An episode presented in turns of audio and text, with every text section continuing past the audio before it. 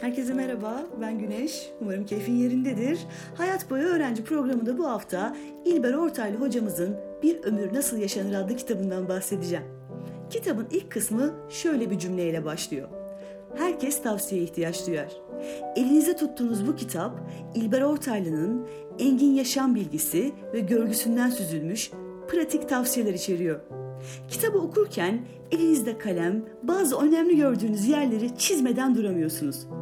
İnsanın derinliğini gözlerin ele verdiğini söyleyen Ortaylı, ne yaşadıysanız yüzünüze yansır. Monotonluktan uzaklaşın. Yüzünüz ifadesiz kalmasın. Gezin, görün, keşfedin, okuyun.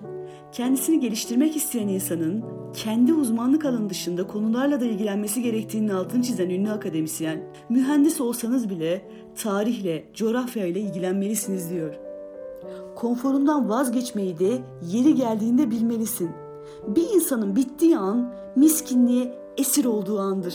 Hayatın planlanarak yaşanması gerektiğinin altını çizen Ortaylı, insanın yazın gideceği tatili bile planlamadığını belirtiyor. Halbuki kendi dünyanı sen yerinden oynatacaksın. Kitabın bir yerinde Ortaylı'ya kaç dil bildiği sorulmuş. Kaç dil bildiğinin bir önemi olmadığını söyleyen profesör, bir dili konuşmanın, onu yaşamanın hazzı daha önemlidir diyor. Yabancı dil meselesini 25'inize gelmeden çözmeye çalışın. Sonraki yıllarda aynı rahatlıkla ve kavrayışla öğrenmek zorlaşıyor.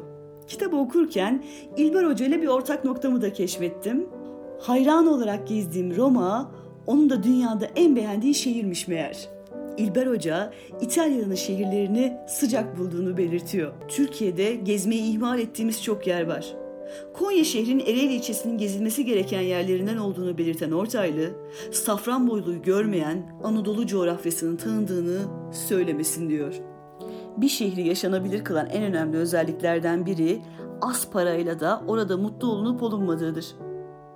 Az parayla da o şehirden istifade edilebiliyorsa orası iyi bir şehirdir. Biz ne yazık ki Ankara, İstanbul için bunu söyleyemiyoruz diyor. Kitap gerçekten su gibi akıyor. Hayatın neredeyse her alanı üzerine tatlı bir sohbet gerçekleştirilmiş. Tolstoy okumadan roman okumuş olunmaz.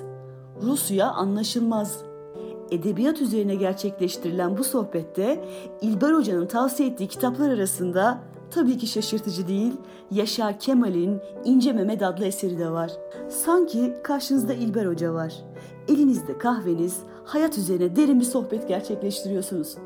Kitap oldukça keyifliydi ama hocanın görüşlerinden faydalanmak için not alarak okumayı unutmayın. Peki sence bir ömür nasıl yaşanır? Şimdilik hoşça kal. İyi okumalar.